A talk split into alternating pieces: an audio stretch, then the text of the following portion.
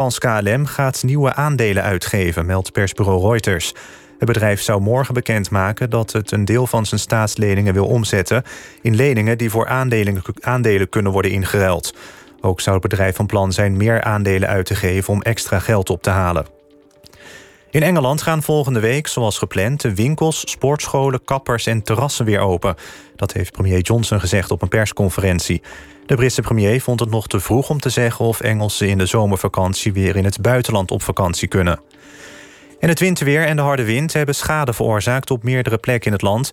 Op het strand tussen Castricum en Wijk aan Zee in Noord-Holland zijn veel strandhuisjes kapot gewaaid. Veel eigenaren van de huisjes hadden voorzorgsmaatregelen genomen, maar dat heeft niet geholpen. NPO Radio 1. EO NOS.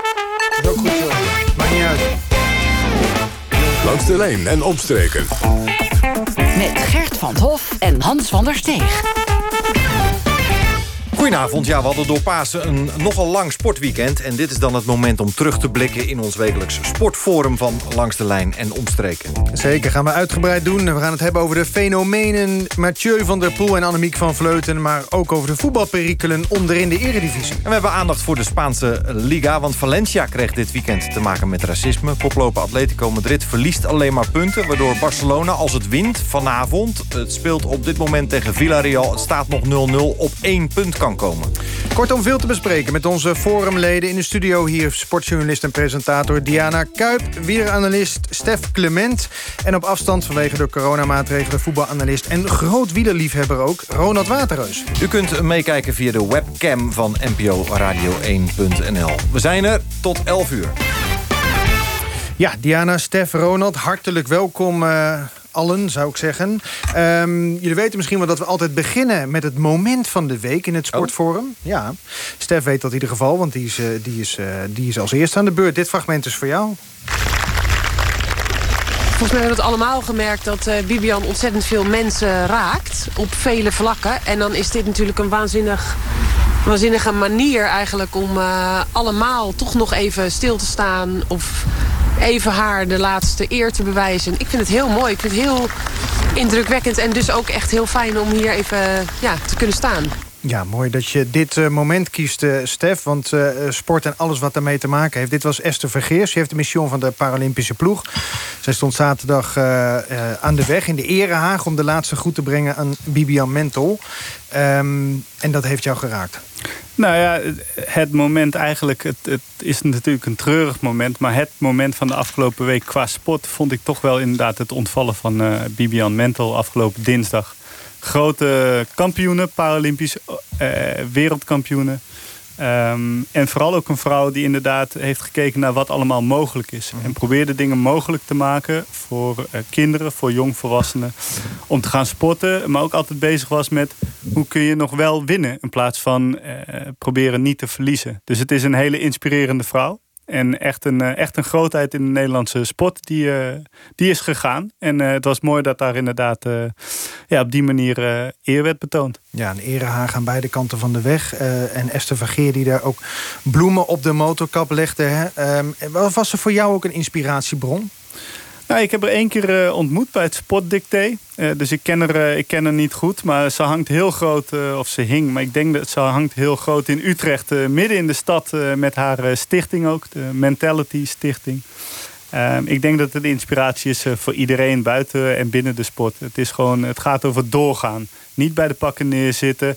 Vrouw heeft alles overwonnen wat je kan tegenkomen in het leven. En zelfs eh, over het heen gaan zei ze van... het, het, het is goed zo, We hebben, het, is, het is prima. Dus eh, een echt een, eh, een inspirerend mens voor iedereen. Ja, en mooi ook dat er zoveel aandacht eh, voor was voor haar eh, overlijden. Ja, terecht. En terecht, zeker. Diana, jij koos voor een gebeurtenis bij de wedstrijd... tussen ADO Den Haag en FC Utrecht. Van de Marel, Dalmau, Silla, Van de Streek, Gustafsson en Bergstreum. Valt je iets op, Hugo, of niet? Nou, dat zijn allemaal spelers van FC Utrecht. Ja, allemaal invallers en het zijn er zes. Ja, commentator Ragnar Niemeyer die had een, eh, een raadseltje voor uh, Hugo Borst. Ja. Dan mag jij hem uitleggen. Ja, en het staat natuurlijk uh, niet in verhouding met uh, wat Stefs nee, moment is. begrijp. Maar het gaat wel over gezondheid. En dat is dat, ze noemen dat de witte wissel. En dat is de zesde wissel geweest, eigenlijk voor het eerst in de geschiedenis van de Eredivisie. En dat is een nieuwe regel die is ingevoerd om uh, teams de mogelijkheid te bieden om nog een extra wissel te doen op, uh, op het moment dat er verdenking is van een hoofdletsel. En dat was in dit geval Bart, uh, Bart Ramselaar.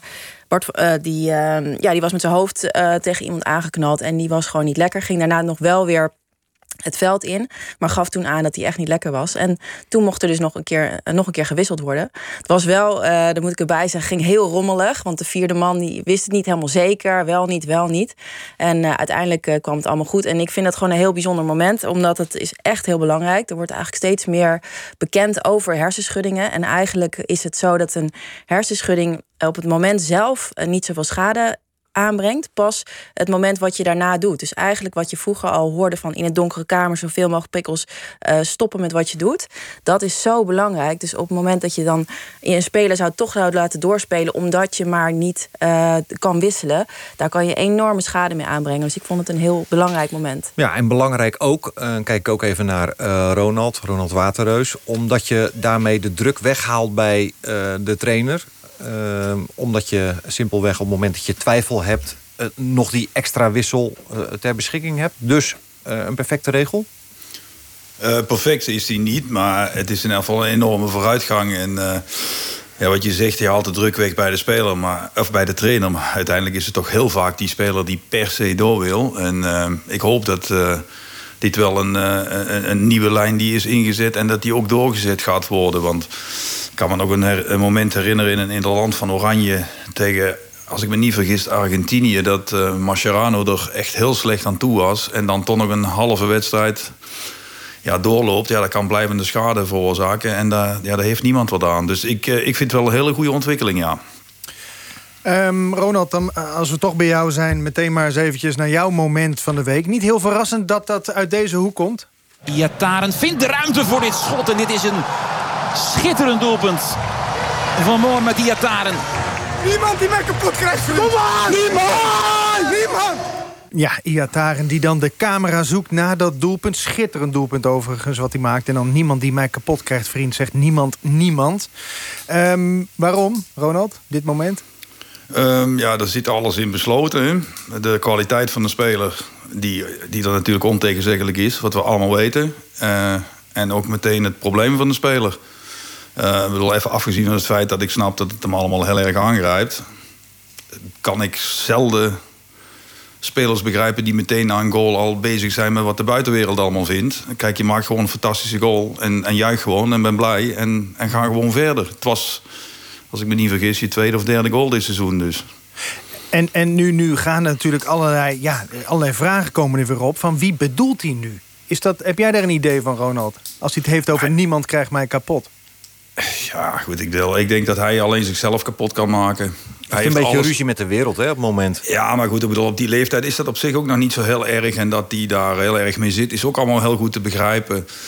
Um, ik heb het moment ook niet gepakt om, om, om, om hem ergens op aan te spreken. Wie, ik bedoel, wie ben ik om dat te doen? Ik, ik, ik bedoel, het is gewoon. Het, het, het, verpakt alles wat er rondom deze jongen op dit moment aan de hand is. Hij kan gewoon fantastisch voetballen. En dan moet hij alleen wat vaker laten zien. En dan is het eigenlijk jammer dat hij het doet. Want het, het, we hebben het nou over zijn gedrag. We moesten het over die goal hebben. Ja, die, was, die was natuurlijk fantastisch mooi, hè? Ja, dat is wel uh, absoluut de mooiste die ik dit weekend gezien heb, ja. ja. Uh, Diana, heb je, heb, je, heb je enig idee waar dit over gaat? Wie bedoelt hij? Nou, hij is natuurlijk... Uh, kijk, vergeet niet dat die jongen 19 is, hè? En um, ik denk dat hij inderdaad, zoals Ronald ook zegt... hij heeft het gevoel dat iedereen nu tegen hem is. Dus... Niet geselecteerd voor de beide oranjes. Niet het jonge en niet het... Precies. Nee, maar dat is volkomen logisch, niet, hè, als je te weinig speelt. Inderdaad, jong oranje.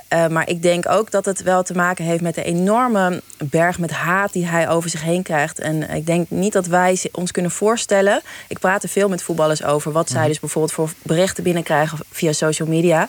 en wat hij dus voor reacties oproept... wat hij natuurlijk ook weer zelf aanspreekt... omdat hij zo uitgesproken is. Maar daar zit een hoop stront bij. Dat is niet normaal. En dat wordt ook echt heel erg op de persoon. Hè. Dus toen hij bijvoorbeeld had hij, uh, toen Bobby gescoord had, had hij een compliment naar Bobby gemaakt. Uh, nou, dat kan natuurlijk niet, want PSV, Ajax. En dan krijgt hij dus echt de gruwelijkste verwensingen van ga terug naar je eigen land als je dan niet voor PSV, weet je. En dingen over zijn vader die overleden is. Dus het is alleen maar ja, incasseren voor hem. Dus al, ja, het komt er dan op dat moment allemaal uit. Dus tuurlijk ben ik het helemaal eens. Je kan beter je benen laten spreken. Maar vergeet niet dat die jongen 19 is en uh, gewoon met een hoop te dealen heeft. Maar je zegt wel iets belangrijks. Hij kan beter zijn benen laten spreken. Er is maar één manier om alles en iedereen tot rust te manen... inclusief zijn eigen hoofd. En dat is door wekenlang heel goed te trainen... en opgesteld te worden door zijn trainer... en, eh, en het waar te maken op het veld als hij een basisplaats heeft. is helemaal zo. Kijk, maar de mensen die het hardste roepen van... jullie kunnen me niet raken, die zijn het hardst geraakt. Die zijn al geraakt. Dat is natuurlijk wat er gebeurd is. Goed, we gaan ehm, naar het wielrennen. Want per 1 april zijn er om de veiligheid in het peloton te verhogen... een aantal regels in het wielrennen veranderd. Gisteren ontstond hier direct wat commotie over in de Ronde van Vlaanderen. En bleek niet iedereen even goed op de hoogte te zijn van die nieuwe regels. Dus ehm, eh, hebben we besloten een, een quizje te doen. Ja, en wij zijn de quizmaster. Er direct bij. Wat mag wel en wat mag niet? Wij hebben dus vijf vragen voor jullie om te kijken of jullie goed op de hoogte zijn van alle regels voor de rest van het wielerseizoen. De winnaar krijgt een mooie prijs. Dat is een, prijs die je wel mag weggooien, maar niet overal. Uh, zeg ik er direct bij. Het is namelijk een NOS wielerbidon. Um, vraag 1. Welke houding op de fiets is per 1 april 2021 verboden voor wielrenners in een op tv uitgezonden wedstrijd? A. Oh. Ja, ja ik, nee, ik was benieuwd. Oh, er was meer keuze. Ik dacht, ik wilde op een iets Moeten we misschien nog even... Moet, mag we, dan mogen nog één ding, één ding... Want ik zie Stef, we gaan een quiz beginnen... en ik zie Stef een beetje onderuit zakken... want die zit tegenover Diana... en die, die hebben al eens tegen elkaar gezeten in een quiz, hè? Ja. wij zaten in de kerstquiz... De, de welbekende kerstquiz van BVSC tegenover elkaar. Ook op Radio 1. En dat, ging ook zo, hè? Dan met app, en bellen. Ze is heel fanatiek dus. Ja, en zeker in de laatste ronde... want er was elk goed antwoord 20 punten waard. En dat wist alleen alleen Diane. Oké, maar je hebt, je hebt verloren dus, begrijp ik. Dat snap je. Ja. Maar de vraag zal voorbij komen. Dan zijn er een aantal keuzeantwoorden. Dan komt er een is, vijf seconden wachtmuziekje. En dan mag je antwoorden. Oké, en dit is een quiz. Jij bent, jij bent wielencommentator. Wij gaan er natuurlijk blind vanuit dat jij eigenlijk op basis eh, van jouw achtergrond alles goed hebt. Wij drie delen één gemene deler. En dat is uh, de heer Frans Maasen. goede vriend van uh, Ronald. Uh, goede vriend van Diana. En, en mijn, ja, nou ja, goede vriend. Mijn, mijn oud ploegleider ook. dus uh, wij weten allemaal heel veel van wielrennen. Goed, vraag 1 nog een keer. Nog een keer dan. Welke houding op de fiets is per 1 april 2021 verboden voor wielrenners in een op tv uitgezonden wedstrijd? Wat ik overigens een gekke toevoeging vind, maar dat geheel terzijde. A. Zitten op de stang. B. Voor overleunen op het stuur.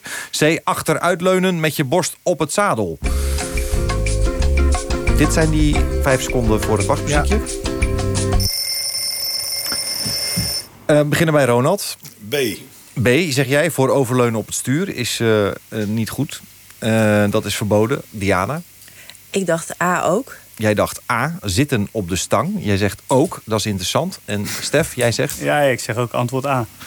Ja, nou ja, kijk, um, het antwoord is eigenlijk een fout. En goed tegelijkertijd. Want alle drie de houdingen zijn verboden. Het omdat wielrenners het goede voorbeeld moeten geven aan jonge beginnende wielrenners. Op trainingen zijn ze vrij de houding aan te nemen die ze willen. Dit, was meteen, uh, dit is meteen het niveau van de quiz. Je moet echt heel goed nadenken bij deze quiz. Maar het belangrijke is ook, het mocht al niet, hè? Het is ook geen nieuws, hè? Het zijn oude regels die opnieuw gehandhaafd worden, hè? Ja, en toch had je het fout. Kan je ja, nagaan nou, dan moet je nagaan. Ik heb het zelf dus ook altijd gewoon gedaan. Ja, Doe jij vraag 2? Ik doe vraag 2. Heb ik dan een half puntje? Want ik zei ook, hè? Ik zei A Gaan we weer. Nou ja, als, als, als, ja ook ik kijk even naar de jury. Die zit achter het, achter het glas hier. Die schudt nee. Nee, nee? nee. nee. Ongelooflijk. Um, we gaan naar vraag 2. Welke wielrenner twitterde na het horen over de nieuwe regels het volgende? Straks verbieden ze ook nog om naar je stuur te kijken... en met je ellebogen naar buiten te rijden. A. Wout van Aert. B. Chris Froome of C. Mathieu van der Poel? Ja, net begonnen we bij uh, Ronald. Dan moeten we nu bij Diana beginnen, maar hè, denk ik. Ja, Diana. Hmm, ik denk uh, Mathieu van der Poel. C. Mathieu van der Poel. Stef? Ja, er is er altijd maar eentje die de hele dag naar zijn stuur kijkt... en met zijn ellebogen naar buiten. Antwoord B. Chris Froome. Chris Froome. Ja, ja. Ronald Waterreus?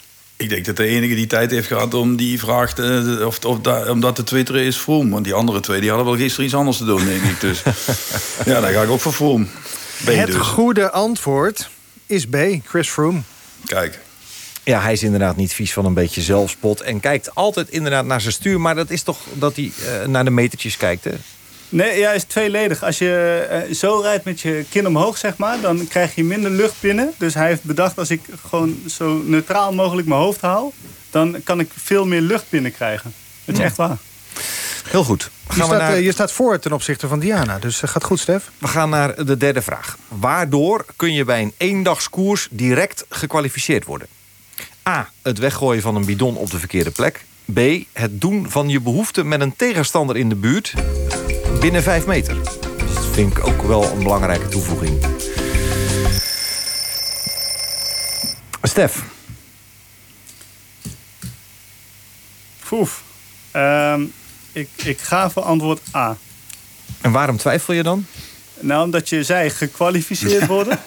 dus de vraagstelling was niet... eh, Gedisqualificeerd worden? Oké, gedisqualificeerd. Ehm, je kunt eigenlijk alleen maar gedisqualificeerd worden... na eh, bekijken van de VAR hè, op antwoord A. Dus antwoord B weet ik niet.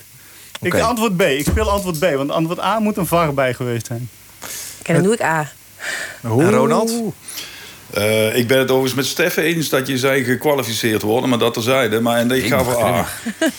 Ik weet niet waarom jullie nou eh, de quizmasters... eh, Ja, maar we, we staan op het punt om te verliezen. Dan gaan Don't- we over alles don't shoot halen. the messenger, hè, jongens. Oké, maar antwoord. A is goed. De Ja. straf die staat op het eh, weggooien van afval buiten deze litterzones is zwaar. Een geldboete kan variëren tussen de 180 en 900 euro, afhankelijk van het incident. Ook kan de renner in kwestie 15 UCI-punten ontnomen worden... en kan de renner in eendagswedstrijden gekwalificeerd worden. En dat laatste is dus gisteren gebeurd bij eh Cher. Hè, was dat. En eh, ook bij de Italiaanse Borghesi. Zij werden direct gekwalificeerd door het weggooien van een bidon op de verkeerde plek. Gedisqualificeerd. Gedisqualificeerd, zeg ik het weer verkeerd. Ja. Maar winnares Annemiek van Vleuten kon dit wel ongestraft doen. De reden hiervoor legde ze zelf uit. Ik zag iemand met een blauwe jas staan. Ging ervan uit dat het iemand van de ploeg was. En dus gooide ik mijn bidon weg. In de veronderstelling dat ik niet in de fout ging. Ja, eh Stef, wat, wat vind je hier nou van, van de gebeurtenissen gisteren? Uh, ik vind het vooral belangrijk dat je of je maakt het echt zwart-wit... of je handelt in de geest van de sport. En ik denk dat dat altijd het belangrijkste is bij, uh, bij regelgeving. Dat je naar de geest van de sport kijkt. En ik denk dat uh, Cher uh, helemaal niks deed wat uh, iemand anders in gevaar zou brengen. Want daar is het uiteindelijk voor bedacht. Er stonden ook mensen daar. Er stonden het was, mensen. Het was niet om de natuur te vervuilen, zeg maar. Het is deel van onze, van onze cultuur, van de wielercultuur. Er zijn heel veel jongens begonnen. En dat is vandaag ook uitgebreid op Twitter door heel veel renners bevestigd. Hè. Ik kreeg ooit een bidon, ja. bidon van die of van die. Uh, zo ook ik van Wilfried Peters ooit in de ronde van Maden. Uh, dus het hoort gewoon bij onze sport. En zodra het gevaarlijk is of inderdaad milieuvervuilend... Uh, mag je daar wat van zeggen. Maar voor de rest, handel alsjeblieft in geest van de sport. En Van Vleuten werd dan niet gedisqualificeerd... want zij gooide die bidon daar waar, waar een verzorger stond. Van, van welke ploeg dan ook, hè? Ik bedoel, Ronald Waterreus, volg je dat nog? Uh, ja, het is niet te volgen. De, ik sluit mij helemaal aan bij wat Stef zegt. Uh, in de geest van de sport. En ja, kijk, je moet er toch niet aan denken dat na die wedstrijd iemand tegen Annemiek van der Vleuten gezegd zou hebben: Je hebt die wedstrijd niet gewonnen.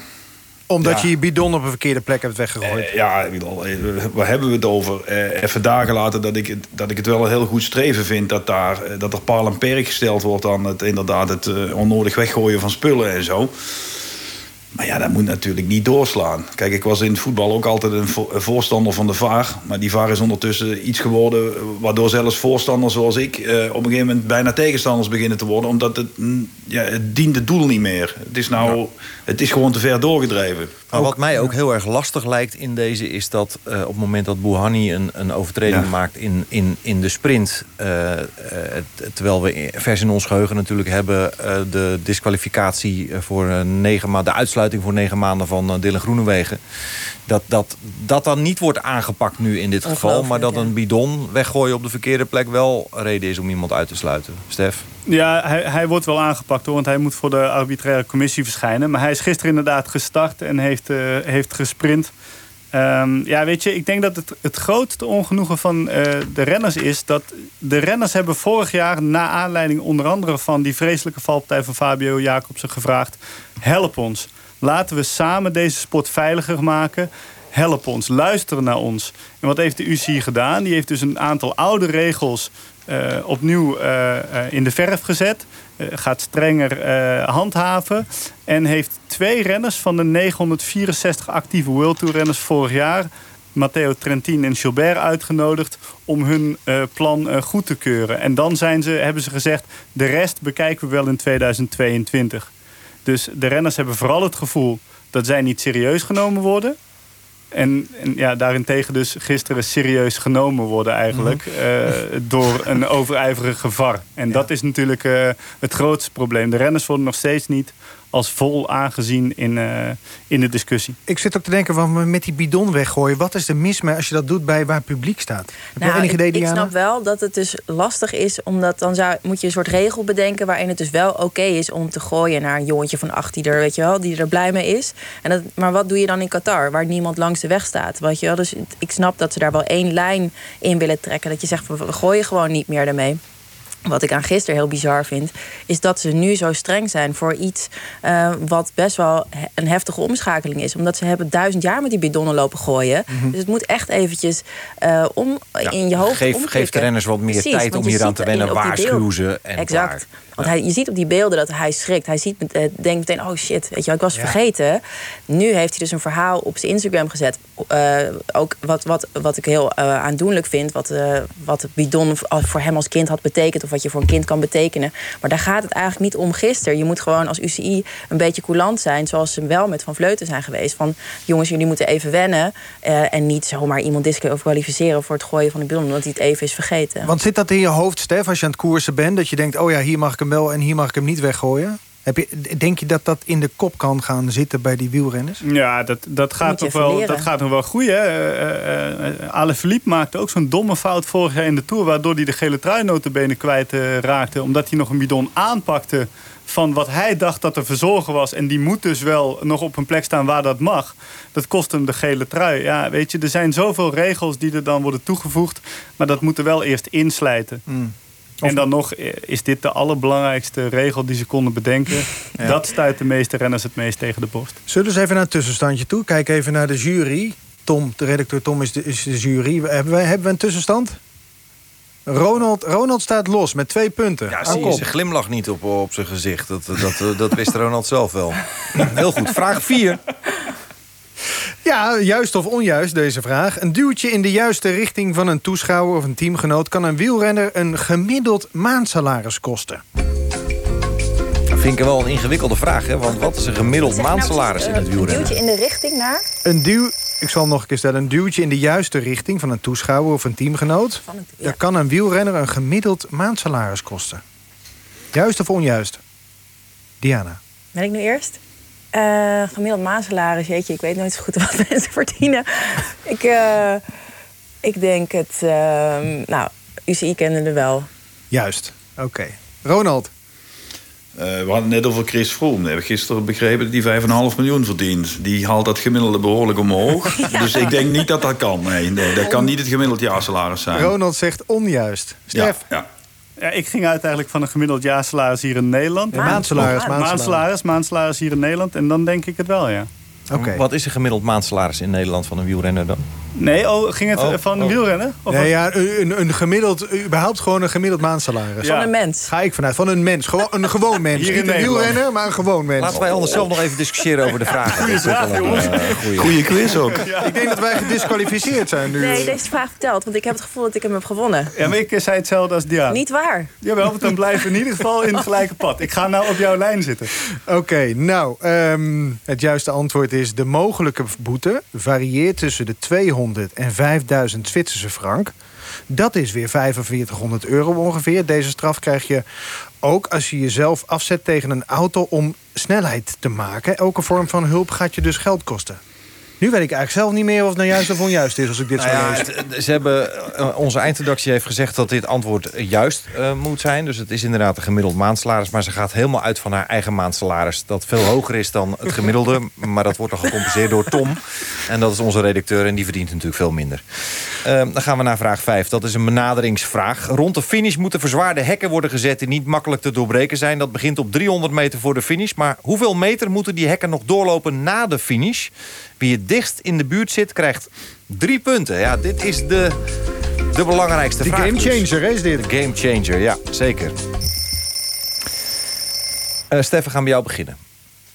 Geen idee, nog 200.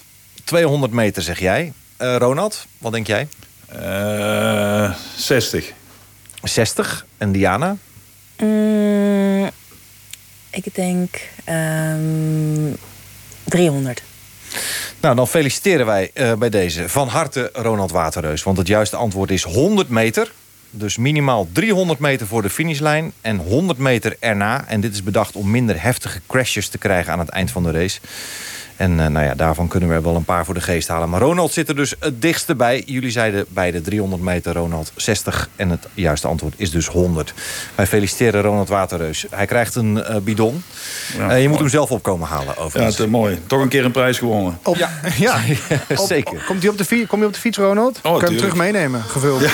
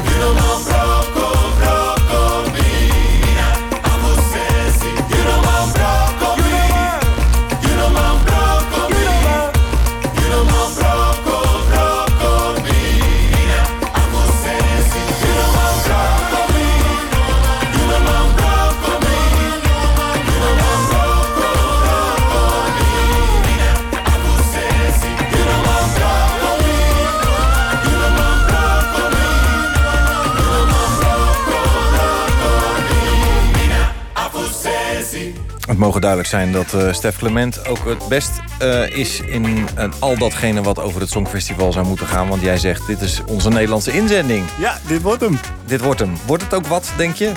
Boah, daar heb ik echt geen verstand van, jongens. Ik hoop het. Ik vind het wel een leuk nummer. Goed zo. We zijn zo terug na het nieuws.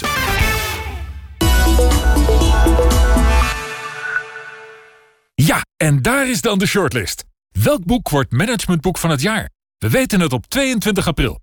Kijk voor uw keuze op managementboek.nl slash shortlist. De nieuwe oplaadbare hoortoestellen van Specsavers. Zonder batterijen. Zo spaart u zowel uw portemonnee als het milieu. En u laat ze eenvoudig weer op. Uw zorgverzekeraar vergoedt 75% en Specsavers de rest. Kijk voor de voorwaarden op specsavers.nl. Het zijn de Toyota Switchdagen. Het moment om te switchen naar Toyota Hybrid. Bespaar op brandstof en op CO2 en krijg tijdelijk tot 3000 euro extra bovenop je inruilwaarde. Weten wat jouw voordeel is? Doe de kentekencheck op toyota.nl. Poelman doet u graag een droomaanbod. Ontvang nu tot 500 euro aan bedtextiel bij een Poelman Boxspring-combinatie. Ervaar onze in Nederland handgemaakte Poelman matrassen en boksprings met ondersteuning op maat en geniet van een comfortabele en gezonde nachtrust. Kom in alle rust proef liggen wanneer het u uitkomt. Reserveer op poelman.nl. Ik verlang naar mijn Poelman. Switch nu naar de Toyota Pro-Ace Electric. En krijg naast 1250 euro extra inruilvoordeel... ook nog tot 5000 euro subsidie. Kijk op toyota.nl. NPO Radio 1. 10 uur, Levi van Eck met het NOS-journaal. Het RIVM houdt er rekening mee dat de derde golf korter gaat duren... en dat het aantal IC-opnames op het hoogtepunt minder zal zijn dan eerder voorspeld. Dat blijkt uit de nieuwste doorrekening van het RIVM die Nieuwsuur in handen heeft. Op 19 maart dacht het RIVM nog dat er een piek zou zijn rond 1 mei... met zo'n 1400 coronapatiënten op de IC. Nu verwacht het instituut dat de piek ergens half april op zijn hoogtepunt komt. Er zouden dan 800 coronapatiënten op de IC liggen. Die verwachting is gebaseerd op de huidige coronamaatregelen... dus zonder eventuele versoepelingen. Curaçao wil de bevolking sneller gaan vaccineren. De regering zal het aantal vaccinaties verhogen naar minstens 7000 prikken per dag. Nu worden dagelijks zo'n 2000 mensen geprikt. De bedoeling is dat aan het einde van deze maand... iedereen op het eiland zijn eerste vaccinatie tegen het coronavirus heeft gehad. Het aantal coronagevallen op Curaçao is hoog. De intensive care ligt vol met coronapatiënten.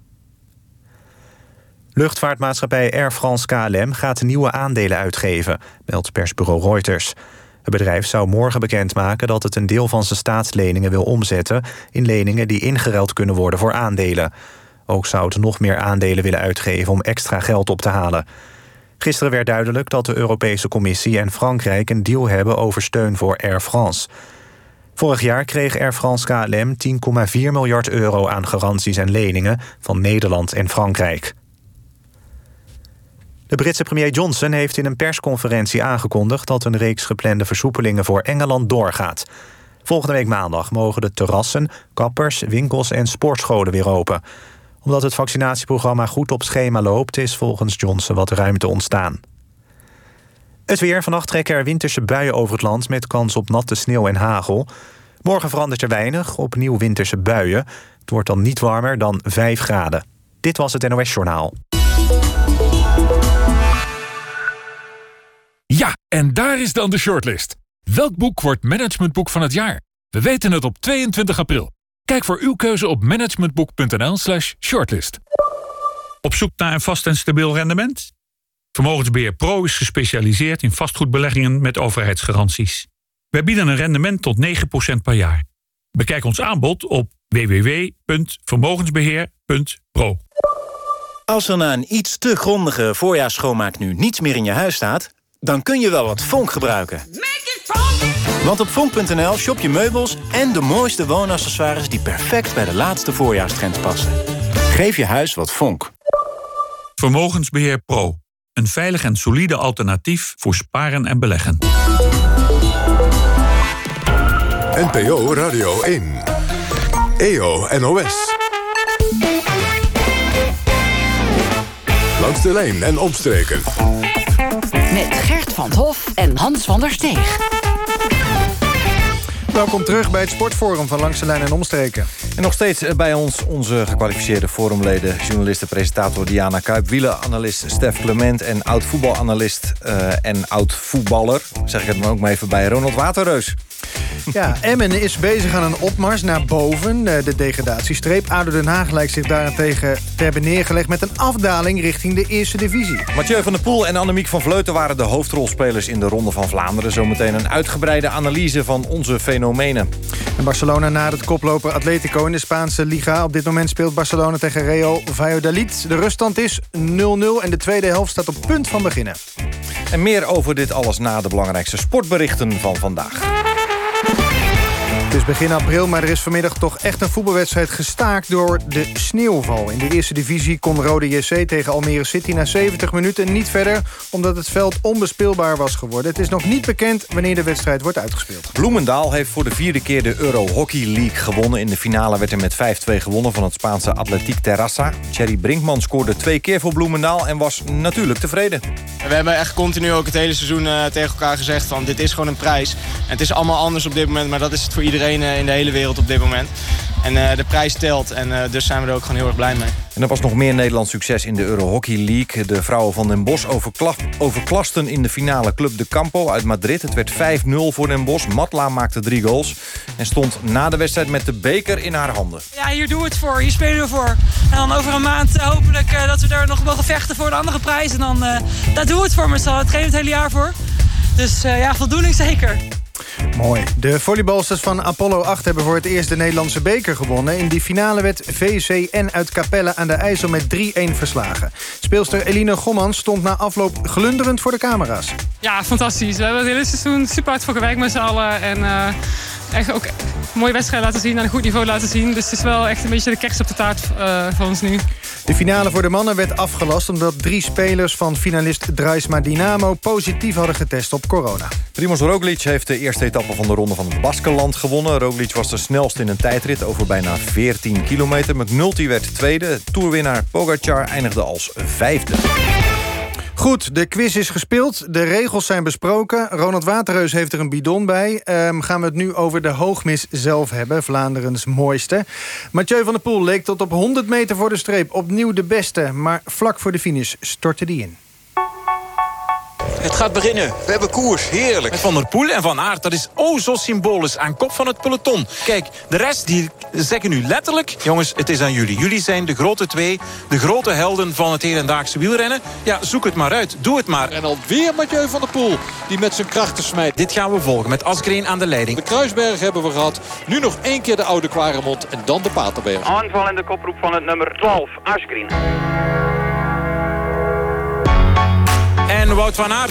En Van der Poel die reageert meteen. En dan moet Alaphilippe blijven zitten. Voilà, met z'n drieën. Van der Poel die gaat toch ook niet zo lekker? Of die trekt door. Die gaat heerlijk, Van der Poel. Asgreen, Asgreen rijdt er nog wel naartoe. Wat een gat met Beetje Kijk, wat een oplawaai. Van der Poel maakt echt heel veel indruk hoor. Deze hele ronde van Vlaanderen al. 33 seconden voorsprong voor Mathieu van der Poel en Casper Asgreen. Laatste 300 meter, 250 meter. Je moet van ver beginnen, sprinten. En nu gaan ze beginnen. Van der Poel, en hier is die aanzet. Daar gaat hij. En Van der Poel Net reageert. Van der Poel houdt stand. En Asgreen komt ernaast. Asgreen komt ernaast. En Van der Poel zet zich recht. Van der Poel laat lopen. Het is weg. Het is op. Het is over. Het is Asgreen. Het is Asgreen die Jan door die ronde van Vlaanderen wint. Hoe is dat mogelijk? Vloekend komt hij over de streep als tweede. Hij wint de Ronde van Vlaanderen niet. Het is Casper Asgreen. Wat gebeurde daar met Mathieu van der Poel? Het was net alsof er even iets misging. Victoire Casper Asgreen devant Mathieu van der Poel.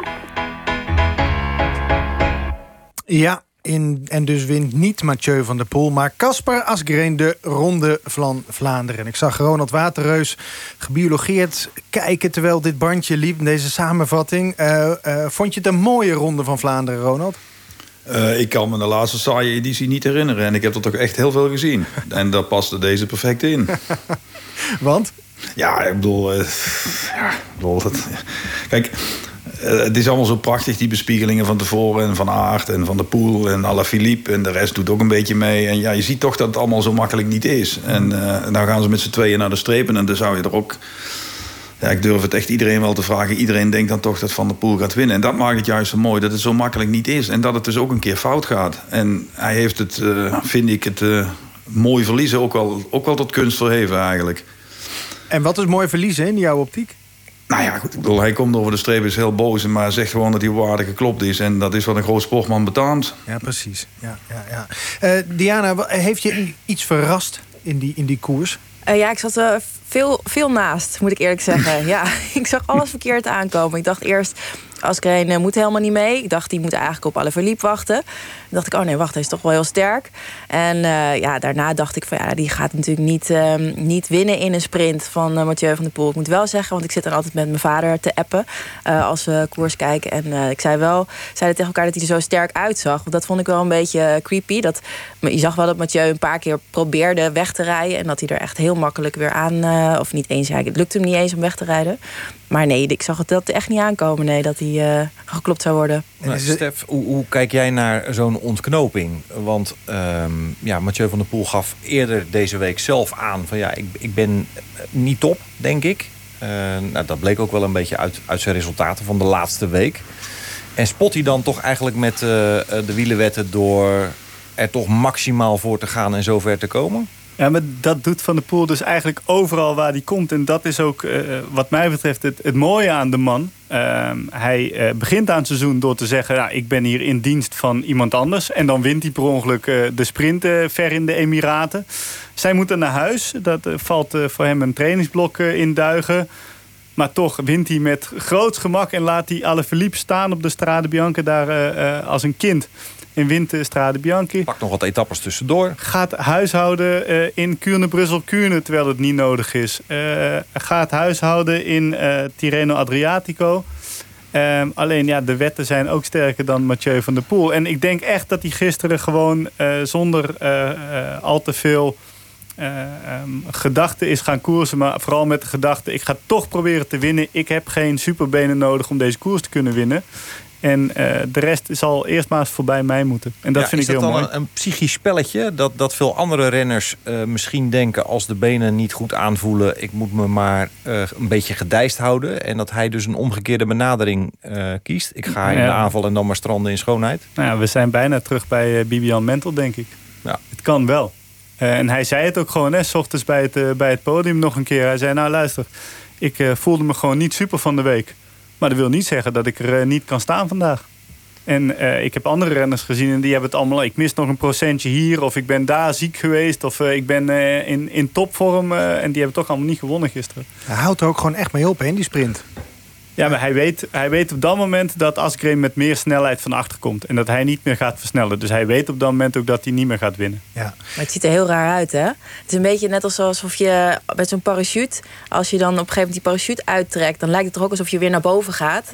Dat is dan bij hem ook zo. Als hij dan stopt met trappen, dan lijkt het net alsof hij op de rem trapt. Maar dat is natuurlijk helemaal niet zo. Hij, houdt, ja, hij stopt gewoon even met trappen. Maar dan lijkt het meteen alsof hij ermee stopt. Zo reageerde ook iedereen echt van... hij stopt er echt mee. Maar het is gewoon... Ja, hij geeft zich gewoon gewonnen op die... Het heeft gewoon geen zin meer om die laatste 10, 20 meter nog te trappen... als je het al weet dat je geklopt wordt. Zullen we even naar hem luisteren na afloop? Uh, uh, als hij dus, uh, zoals Ronald zei, als groot sportman reageert? Nee, helemaal niet. Ik heb de perfecte koers, heel sterke ploeg achter mij gehad vandaag. Um, ja, ik doe alles wat ik moet doen, maar ik word gewoon op waarde geklopt in de sprint. Het, het beste was eraf. Ja, dat is gewoon het verhaal. Het was gewoon leeg. Ja, denk ik wel. En ik had onderweg ook al gezien, uh, telkens als ik een aanval of een versnelling plaatste, was het Asgreen die eigenlijk uh, vrij makkelijk mee was altijd. Dus ik had wel door dat hij uh, wel de betere was in koers ook. En ik denk wel dat hij verdiende winnaar is sowieso. Vooraf had je wat twijfels over je benen, sprak je wat uit over je vorm. dat was allemaal, ja, je, wat je zegt, je hebt een hele goede race gereden. Je was gewoon de oude Mathieu van der Poel. Ja, ik was niet, niet super super, maar ik was wel gewoon heel goed. Maar... Uh, als ik de beste matje van de poel ben, moet ik die sprint nooit verliezen natuurlijk. Nee, en bouw je daar nu heel erg van? Ja, daar bouw ik wel heel erg van, maar ik kan het ook wel plaatsen omdat ik op waarde geklopt ben. Is dat, is dat ook nog iets waar je iets aan kan doen? Ja, kijk even naar jou, Stef. Dat je die kracht wel in je benen houdt. En uh, nog een paar jelletjes, nog iets, voeding, Zit hij dan onder een bepaalde spiegel dat, dat er niet genoeg power loskomt? Ja, maar er lopen zoveel verhaallijnen door die Ronde van Vlaanderen. Hij komt vooruit dan uiteindelijk met Askreen. En dat is zijn bondgenoot om Van Aert eigenlijk kwijt te raken. Mm -hmm. uh, hij ja, moet dus hij was ook... blij dat hij, dat hij meeging. Ja, Askreen. hij moet hem ook meenemen. Ja. Want als die Askreen laat staan, komt Askreen terug bij Van Aert. En dan komen ze met z'n tweeën weer aansluiten. Is hij niks meer opgeschoten. Hij krijgt die Askreen mee en die denkt, ja, wacht eens even. Ik ben hier al tweede geweest. Uh, iedereen denkt dat jij gaat winnen. Nou, ga jij dan maar eens het meest op kop rijden deze laatste 13 kilometer. En dan ga ik eens kijken of dat ik toch nog kan winnen. Dus hij had ook nog een, een, een man. En we hebben het de hele tijd over, over de drie goden van het wielrennen ongeveer gehad uh, de afgelopen maand. Die ging op pad met een gewone man in de vorm van zijn leven. En uh, alles wat die jongen uh, probeert de afgelopen weken lukt. Die Askren die wint de E3-prijs... Uh, terwijl hij de slechtste man in de kopgroep uiteindelijk was. Omdat hij de hele dag er al voor had gereden. Dus -huh. die weet, ik kan vanuit de positie winnen... waarin iedereen denkt dat het niet kan. Dat is een beetje Mathieu van der Poel die boven kan drijven. Ja, maar de beste Mathieu van der Poel is Mathieu van der Poel... die inderdaad nog een keer de sprint aangaat op de Kouberg... en alsnog de Amsterdam Gold Race wint. Ja. Um, Ronald, was, was jij verbaasd dat hij gewoon ermee dat hij ophield in die sprint?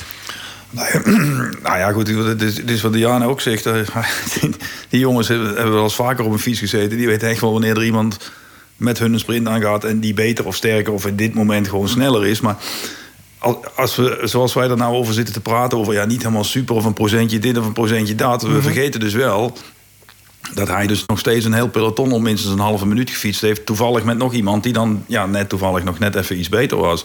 En dat was eigenlijk wat ik ook bedoel te zeggen aan het begin. Kijk, het gaat heel veel over Van Aert en Van der Poel... en in iets mindere mate Alaphilippe... Maar feit is natuurlijk wel dat er nog heel veel mensen eh, in zo'n peloton rondrijden... die ook wel een stukje kunnen fietsen. En het is gewoon niet... En dat kan Stef natuurlijk nog veel beter beamen dan, dan wij... Het is geen, geen exacte wiskunde dat je gewoon even zo dit doet en dan win je dat wel. Kijk, we hebben Mathieu dingen zien doen die we waarschijnlijk eerder nauwelijks of nog nooit gezien hebben. Maar ja, daar hoort dus ook bij dat je af en toe door iemand geklopt wordt die op een gegeven dag gewoon de betere is. En dan vind ik het ook ja. mooi dat hij dat zelf gewoon erkent. Stef, kan, een rol spelen dat, het, eh, dat de afstand voor hem nog wel een dingetje is. Eh, en een dingetje tussen aanhalingstekens, 250 kilometer. Eh, dus, hij, heeft dus de Amsterdam Gold. Race. hij heeft de Amsterdam Gold Race gewonnen. Die is, die is net zo lang en die is eh, misschien nog wel, eh, nog wel zwaarder dan eh, de Ronde van Vlaanderen. Dat, dat laat ik in het midden. Dat is het allemaal niet. Hij was gewoon eh, gisteren erg gedreven. Hij was een van de twee renners die heeft gekoerst om te winnen.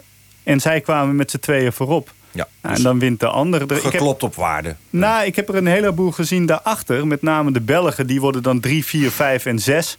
En die gunnen elkaar nog steeds het licht in de ogen niet. Want die zitten daarachter, zitten ze te wachten, te kijken. Wie gaat het doen? En uiteindelijk gaat dan Greg van Avermaat. Die, en eh, ja, het spijt me, maar ik, ik, ik, die twee, Naas en Van Avermaat... die hebben mij het meest tegengevallen dit hele voorseizoen. Ook omdat er het meest over gesproken werd. Die, die muist er dan in de finale van tussen, die wordt derde.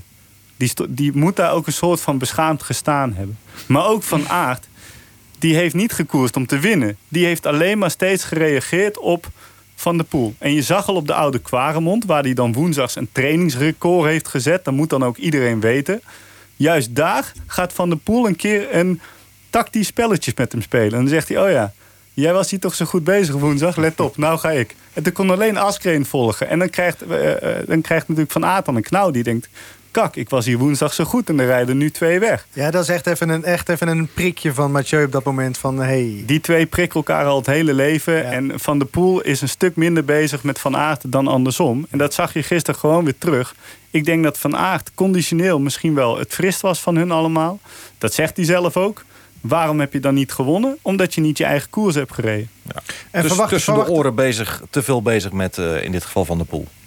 Nou ja, met niet verliezen. Ja. Als je alleen maar rijdt om niet te verliezen... dan ga je ook niet zomaar winnen. Daar hebben ze al eens een fitty over gehad, hè, over deze kwestie, toch? Ja, nee.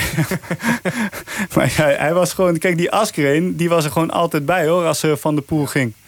Ik vond ook dat uh, Askreen heel dapper reed. Want ik dacht eigenlijk, dus had ik ook al mis... toen ze met z'n drieën reden. Ik dacht, die Askreen gaat natuurlijk lekker erachteraan plakken. Die hoeft helemaal niks te doen. Uh, maar die heeft heel keurig gewoon ook op kop gereden. Dus die reed, dat had hij niet hoeven doen.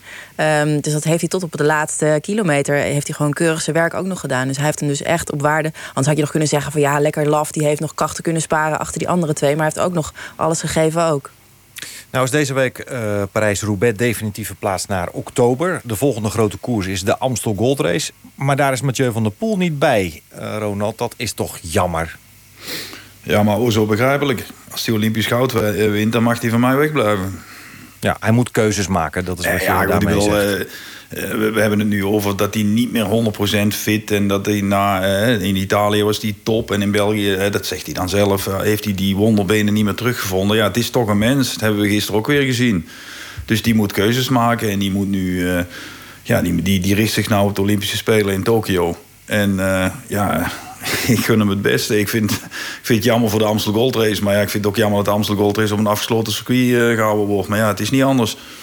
Ja, ja. Bedoel, dit, dit, is een rare tijd waarin we leven. Ja, hij, hij kiest natuurlijk ook weer uh, voor het uh, mountainbiken. S snap je die keuze, Diana? Ja, weet je hoe gek hij is op mountainbiken? Hij vindt dat het mooiste wat er is, nog steeds. En uh, dus dan snap ik dat. Daar ligt zijn passie en hij heeft één grote droom. En dat is een Olympische medaille winnen met, die, uh, met mountainbiken. En hij heeft helemaal niets te maken met ons die, die, waar wij hem graag willen zien. Dat is het. Dat is het verschil. Hè? Van der Poel die heeft vorig jaar uh, hoofddoel Ronde van Vlaanderen af kunnen strepen. Dit jaar was doel uh, Strade Bianche Parijs-Roubaix. Uh, en Roubaix gaat niet door. Maar dat betekent voor hem niet dat hij, omdat wij vinden dat hij zijn titel moet verdedigen in de Amsterdam Gold Race, de boel met een week moet gaan verlengen ten koste van zijn andere doelen. Hij moet naar de Tour straks en dat gaat hij doen. Maar als hij na twee weken denkt van het is toch beter om hier weg te zijn, dan gaat hij ook echt wel gewoon naar huis. En dat is nou juist de kracht van Van der Poel. Ja. Altijd bij zijn eigen plan blijven. Altijd zijn eigen koers varen. Letterlijk en figuurlijk. Maar ook, ook, ook onwijs ingewikkeld in een ploeg, denk ik. Als je dit karakter zo beschrijft. Ja, maar daarom blijft hij ook bij die ploeg. Hij zit natuurlijk niet in de grootste ploeg ter wereld. Maar wel in de ploeg waar hij kan doen wat hij wil doen. Kan hij zijn eigen koers varen. Ja, precies. Mooi. Ik zit gewoon dat, helemaal voor te stellen... dat hij dus vandaag gewoon de schuur open doet... en de mountainbike er weer uittrekt Ja. om, eh, om weer aan de slag te Nou, gaan. waar ik wel een beetje van schrok, wat hij, dat hij dan zelf zei... dat hij ehm, nu met een rotgevoel, of hij zei eigenlijk met een KUT-gevoel... eh, in die voorbereiding naar dat mountainbiken eh, ging... Hij zei, ja, dat werkt gewoon zodat je er toch de laatste wedstrijd blijft plakken. En dat gevoel van de Strade Bianca ben ik alweer vergeten. Dus het is wel KUT dat ik nu met dit eh, verliesgevoel... Maar denk je niet dat dat juist goed is voor eh, Van der Poel? Ja, Want dat- dat, dat maakt hem zou- weer extra gedreven voor eh, de eerste ja. beste keer... dat hij op die mountainbike een wedstrijd rijdt. Ja, omdat hij het zelf zei, dacht ik, ja, oh, dan had ik niet bij stilgestaan dat hem dat zou, zou raken. Maar ik hoop natuurlijk dat, het, dat hij dat om kan keren. Maar het is natuurlijk niet lekker. Het is niet een lekker gevoel. Dat de laatste keer je benen net niet goed waren. Ja, maar, dan maar ga is ik toch de- wel een beetje mee met Ronald. Hè? Die zegt van ja, hij laat er ondertussen ook wel een compleet peloton hielen zien. Is ook. Ja, en volgens mij is die na dat is-check op de WK in Engeland ook wel redelijk teruggekomen, toch? Ja. Ja, vraag het hem over een week nog een keer. Dan kijkt hij Ja. er ook anders eh, tegenaan dan net na de finish. Hoor. Goed, dan eh, de vrouwen. Een Nederlandse winnaar daar. Annemiek van Vleuten was tien jaar geleden al een keer de beste in de ronde. Dat deed ze een decennium later dunnetjes over. Ik kan het nog steeds niet geloven. Ik eh, wil heel graag gaan op de Canarieberg. Maar toen merkte dat er tegenwind was of wind op kop. En ik dacht, ja, dit is gewoon niet, niet het moment. Maar de ploeg was wel van tevoren al echt vroeg eh, gaan koersen. Waardoor het gewoon een veel zwaardere koers was dan andere jaren. En daarna heb ik denk ik ja, elke keer gewoon geduld bewaard en het goede moment gekozen. Je won hem tien jaar geleden, je wint hem nu. Win je hem over tien jaar weer? nee, zeker niet. Nou, dat, was, dat was Han Kok hè, met een mondkapje, hoor je dat? Ja, dat hoor je, ja, ja, ja. Toch herken je mij duizenden. En een duidelijk antwoord. Over tien jaar niet meer. Nee, want dan is ze 48, dus we gaan wel een beetje apart zijn. Ja. Maar ja, met haar weet je het nooit. Shani Longo deed het Nou ja, ik wou dus, net eh, zeggen, je, je weet het nooit. Maar want dit is natuurlijk al een unieke prestatie, toch Diana? Ja, ja, bizar dat je daar dan moet je eens inderdaad bij stilstaan. Want toevallig zei ze ook tien jaar geleden was een hele andere wereld. Dus was er nog misschien maar één seconde was ik in het nieuws. En nu hebben we het over haar en konden we het live zien. Eh, dat is even een zijstraatje, maar dat is dan wel eh, echt een enorme ontwikkeling dat dit vrouwenwielrennen eh voor, ja, de, voor de aandacht in ieder geval heeft doorgemaakt. Ja, ik hoorde vorige week een mooi interview, ook van Han met Van Vleuten. Op afstand vond dat plaats. En, en toen stelde Han wel een, een mooie vraag. Van, is de ontwikkeling van het vrouwenwielrennen eigenlijk parallel, een parallel te maken met jouw eigen carrière? Ik denk wel dat die opgaat. Nou, ik ster- sterker nog, ik denk dat zij daar een heel groot aandeel in heeft gehad. Ik denk dat zij een heel groot aandeel heeft gehad in het eh professionele maken van het dameswielrennen. Zij, Zij heeft eh, grenzen verlegd? Zij heeft grenzen echt verlegd. Ja, absoluut. En, eh, Welke zij grenzen dan, Stef? Nou, als het, als het gaat over, eh, over trainen, over eh, voeding. Zij heeft eh, heel veel dingen zelf uitgezocht. Het is, het is natuurlijk ook gewoon een hele slimme vrouw. Ehm, en ze heeft eh, eerst in, een beetje in de schaduw van Marianne Vos, toen nog bij de Rabobank, heeft ze het aangekeken en die kennis heeft ze ook willen delen. Ehm, zij gaat nu voor het eerst, ging ze met de hele ploeg dames, ging ze op hoogtestage in voorbereiding op dit seizoen. Had ze voor het eerst dat ze vijf ploeggenoten mee. Eh Movistar team, waar ze nu eh, zit. Overigens waren gisteren nog misschien nog wel blijer dan eh Annemiek zelf met deze overwinning. Dat was echt heel, eh, heel groot voor die ploeg. Eh, maar zij worden ook nu echt behandeld als de herenploeg. Waar ze eerst samen die klassiekers reden, de heren en de dames. Dan sliepen zij in een ander hotel en aten zij gewoon van het buffet. Terwijl de heren een chef hadden. Tegenwoordig is dat allemaal gelijk getrokken. Zij worden precies hetzelfde behandeld.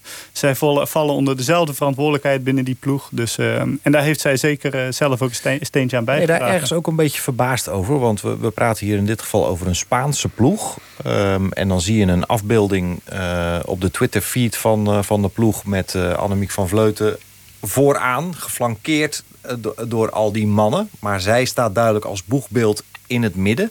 Eh, Sterker nog, ik heb me laten vertellen uit zeer betrouwbare bron dat tijdens de Tour de France in het oortje van de heren van Movistar werd verteld dat ze eh, Annemiek van Vleuten hadden kunnen tekenen.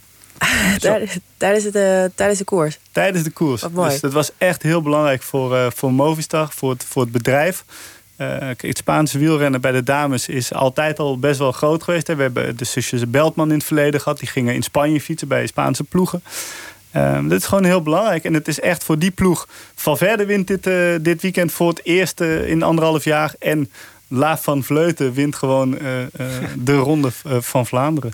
Ja, en is Olympisch goud dan, Ronald, eh, dat- datgene wat, wat haar echt nog triggert? Met in gedachten, ik was erbij in, eh, in Rio het, toen het niet lukte, zeg maar.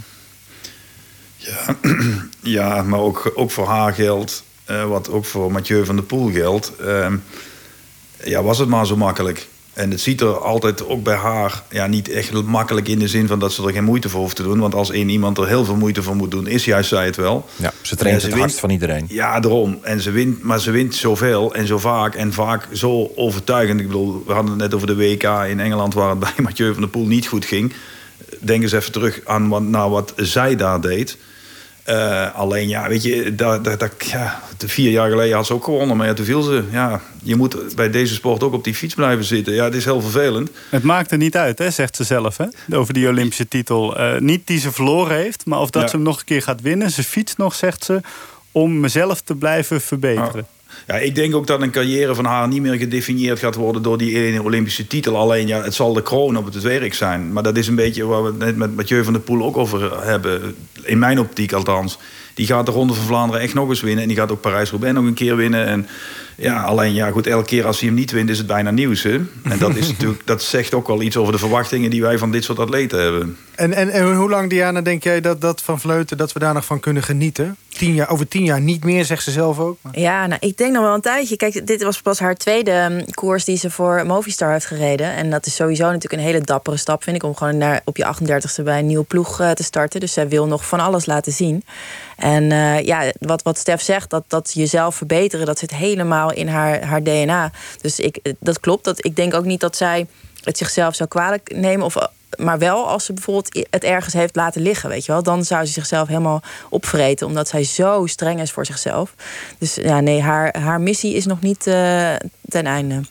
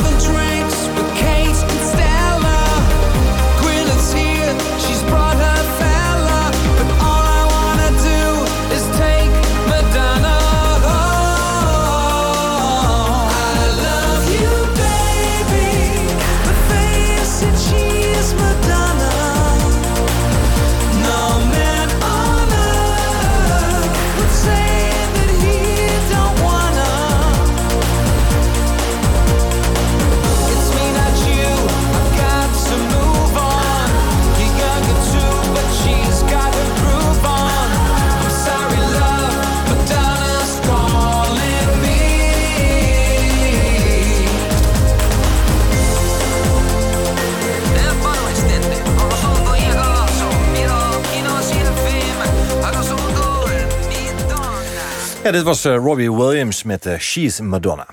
NPO Radio 1. Het is half elf. Levi van Eck zit klaar voor het nieuws.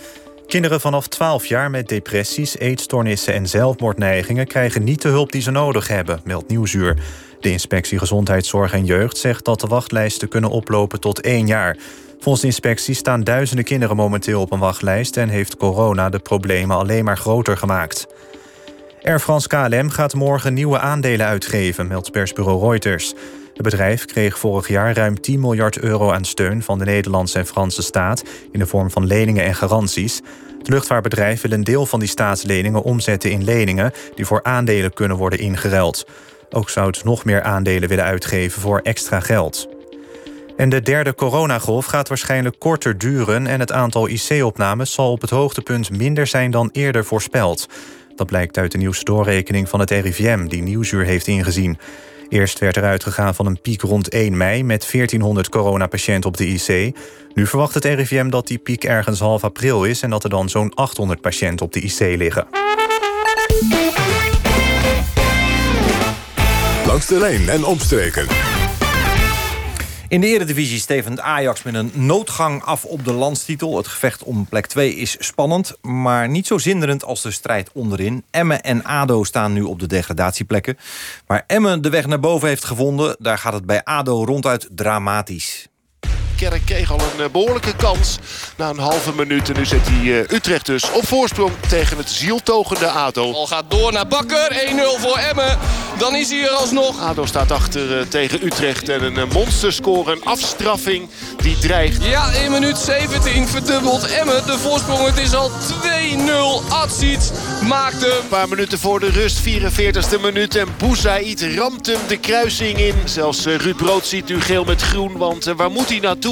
Met het elftal uh, hulploze dat hij het elftal ingestuurd heeft. Het is echt uh, pijnlijk. Het is maar goed dat er geen publiek bij is. Peña op de keeper en dan in de rebound wel raak. 3-0 voor Emmen. En we zijn pas 31 minuten en 21 seconden onderweg. Silvio Essayas heet hij. De 37ste speler, jawel. Die dit seizoen uitkomt voor ADO 1. 37ste poging uh, gaat naast. Ja, daar zit natuurlijk een, een verhaal in. Uitstekend vandaag Emmen. 3-0 voor. Niets op af dingen. Nog anderhalve minuut plus extra tijd volhouden. Tegen een armetierig RKC. Het staat 3-0. Ja, het zijn uh, rampzalige cijfers. En uh, ADO uh, ja, had heel even misschien het idee... nou, nou, nou. Maar Maher maakt aan die illusies met een afstandsschot een einde. Emmen nog maar vier punten achter Willem II en VVV dus. En drie punten meer dan de hekkensluiter ADO. Gaat nog heel spannend worden daar. Leuk. Ja, leuk. Uh, dat vinden ze in elk geval in de studio. Of ze dat uh, in uh, Drenthe en in Zuid-Holland, het ADO-deel, ook leuk vinden... is maar de vraag. Staan op de plekken 17 en 18 Emmen en ADO. Maar ook RKC, Willem II, VVV zijn nog niet veilig. Ja, dan kun je een beetje genieten van het voetbal onderin. Ja, ja ik vind het wel spannend. Kijk... Um ik, ik, kan het, ik, ja, ik kan niet zo goed voorspellen. Wat, ik hoorde net zieltogend, dat ADO, dat, dat valt me ook op. Het lijkt echt alsof ze het al een beetje hebben opgegeven. Um, ik heb daar niet echt goed gevoel over. Kijk, ze stonden natuurlijk vorig jaar of vorig seizoen, of hoe moet je dat zeggen, stonden natuurlijk al op degraderen. Mm-hmm. En ze hebben dat eigenlijk nooit echt kunnen rechtzetten. Ook niet in het begin, maar het is nu wel echt. Uh, ja. De hele energie lijkt uh, eruit geslagen te zijn. Ja, Ronald, is dat een beloning voor jarenlang wanbeleid? Um, ja, ik kan het niet beter kunnen zeggen. nou ja, goed. Uh, kijk, wat Diana net ook zegt... Uh, RKC en Den Haag stonden vorig jaar natuurlijk beide troosteloos onderaan. Maar bij RKC hebben ze daar tenminste nog iets positiefs van gemaakt... van het feit dat ze ja, door de coronacrisis in de eredivisie zijn uh, gebleven. Ja, en ADO is alleen maar van kwaad tot erger geworden. Je hebt het net gehoord in het fragment... de 37e speler in het veld brengen. Ja, goed, daar hoeven we het er verder eigenlijk niet meer over te hebben.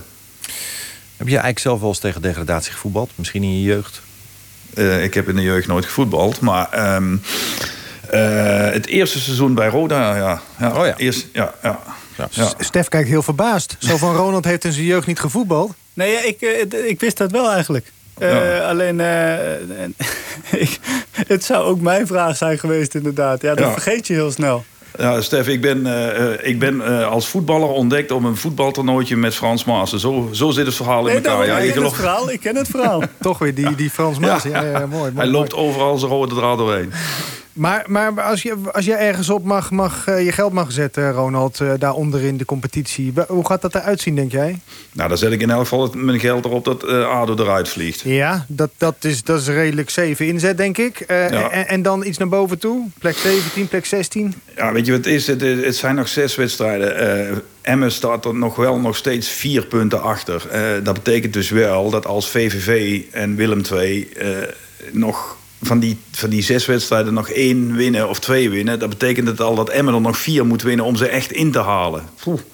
Dat is ook wel een flinke kluif, hè? Ja. Nou is spelen volgens mij Emmen en VVV nog wel tegen elkaar. En volgens mij is dat zelfs de allerlaatste De laatste seizoen. speelronde, ja. Dan zou het al te laat kunnen zijn. Eh, het, het gekke is natuurlijk wel, Emmen heeft wel de gunfactor. Daar hebben ze op het veld niks aan, dat snap ik ook wel.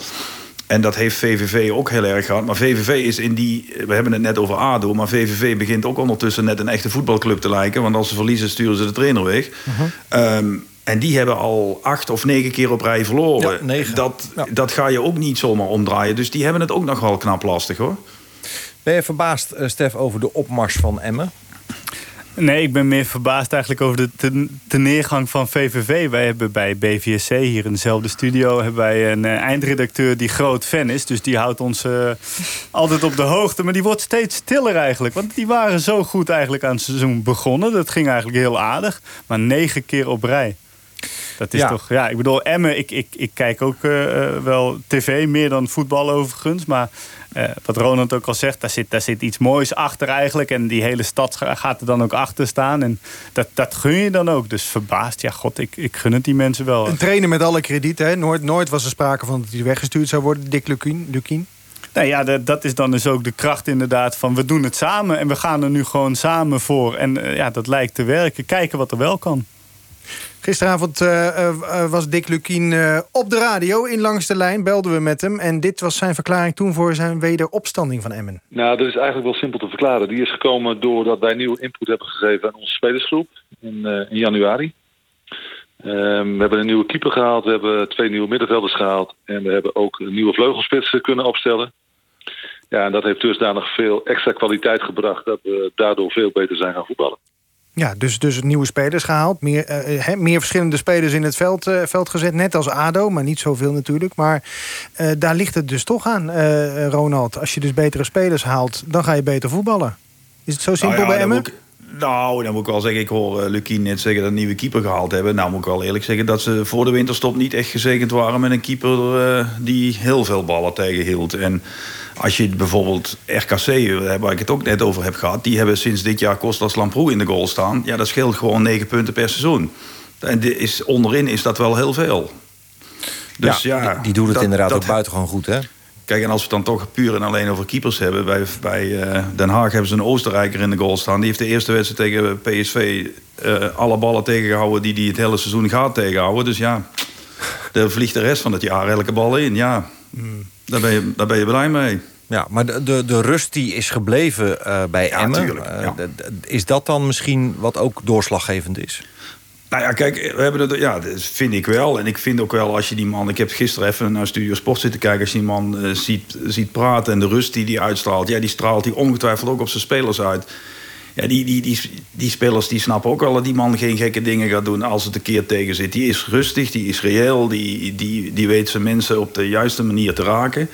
Eh, en tot voor kort wat deden ze dat bij VVV ook. Ja, Ik bedoel, de eh, Koning toch zelfde ja, indruk. Ja, eh, ze verliezen met 13-0 van Ajax en niemand raakt in paniek. Maar op de een of andere manier eh, eh, dreigen ze dat dan toch. Misschien is het vanwege het ontbreken van carnaval dat ze dan toch in paniek raken. Maar uiteindelijk gaat er dat, dat toch. En dan begint het in één keer een echte voetbalclub te lijken. Want dan komen ze met de, met de droomkandidaat die ze altijd al altijd willen helpen. Maar ja, na twee wedstrijden heeft ook hij nog nul punten. En dan begint het toch in één keer heel precair te worden.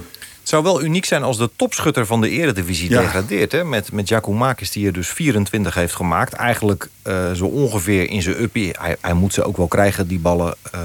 Hij heeft hij natuurlijk VVV een lange tijd ja, in een soort veilige haven weten te, te, te loodsen. Maar het zou, zou heel bijzonder zijn, Ronald... als de, de topscorer van de eredivisie degradeert. Ja, ik kan me niet voorstellen dat het al ooit eerder gebeurd is. Eigenlijk. Ik zou het... Nee, zou, pff, geen idee, maar ik kan me niet voorstellen. En, en lange tijd dachten we natuurlijk ook dat Willem II... ook onderdeel zou gaan uitmaken van, eh, van de ploegen die zouden Ja, gaan ja, dacht ik niet. Ik, ik vond Nee? toch Willem II qua hebt altijd geloof gehad? Nou, go- goed genoeg, zeg maar. En met de nieuwe trainer nu ook, Zelko Petrovic. eh, sinds een tijdje aan het roer. Eh, is hij in staat om Willem II erin te houden, Diana, denk je? Nou, ik zit even te rekenen. Maar volgens mij zijn die wel veilig, toch? Nee, Willem II heeft ook 22 punten. 22 Dus, punten ook. Staat 15e, gedeeld met VVV. Oh ja.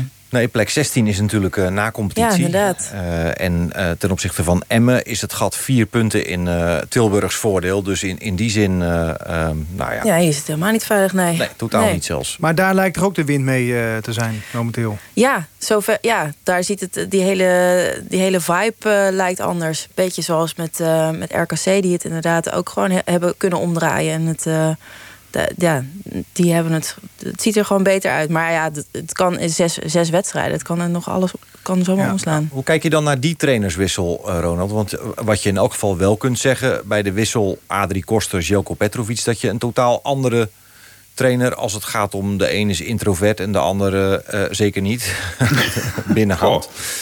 Nou, goed, Zelko was, Petro was deze week wel al een stuk rustiger dan voor de interlandperiode. Maar nou, ik heb eh Adrie Koster zelf als trainer gehad en ik heb met Petro gevoetbald.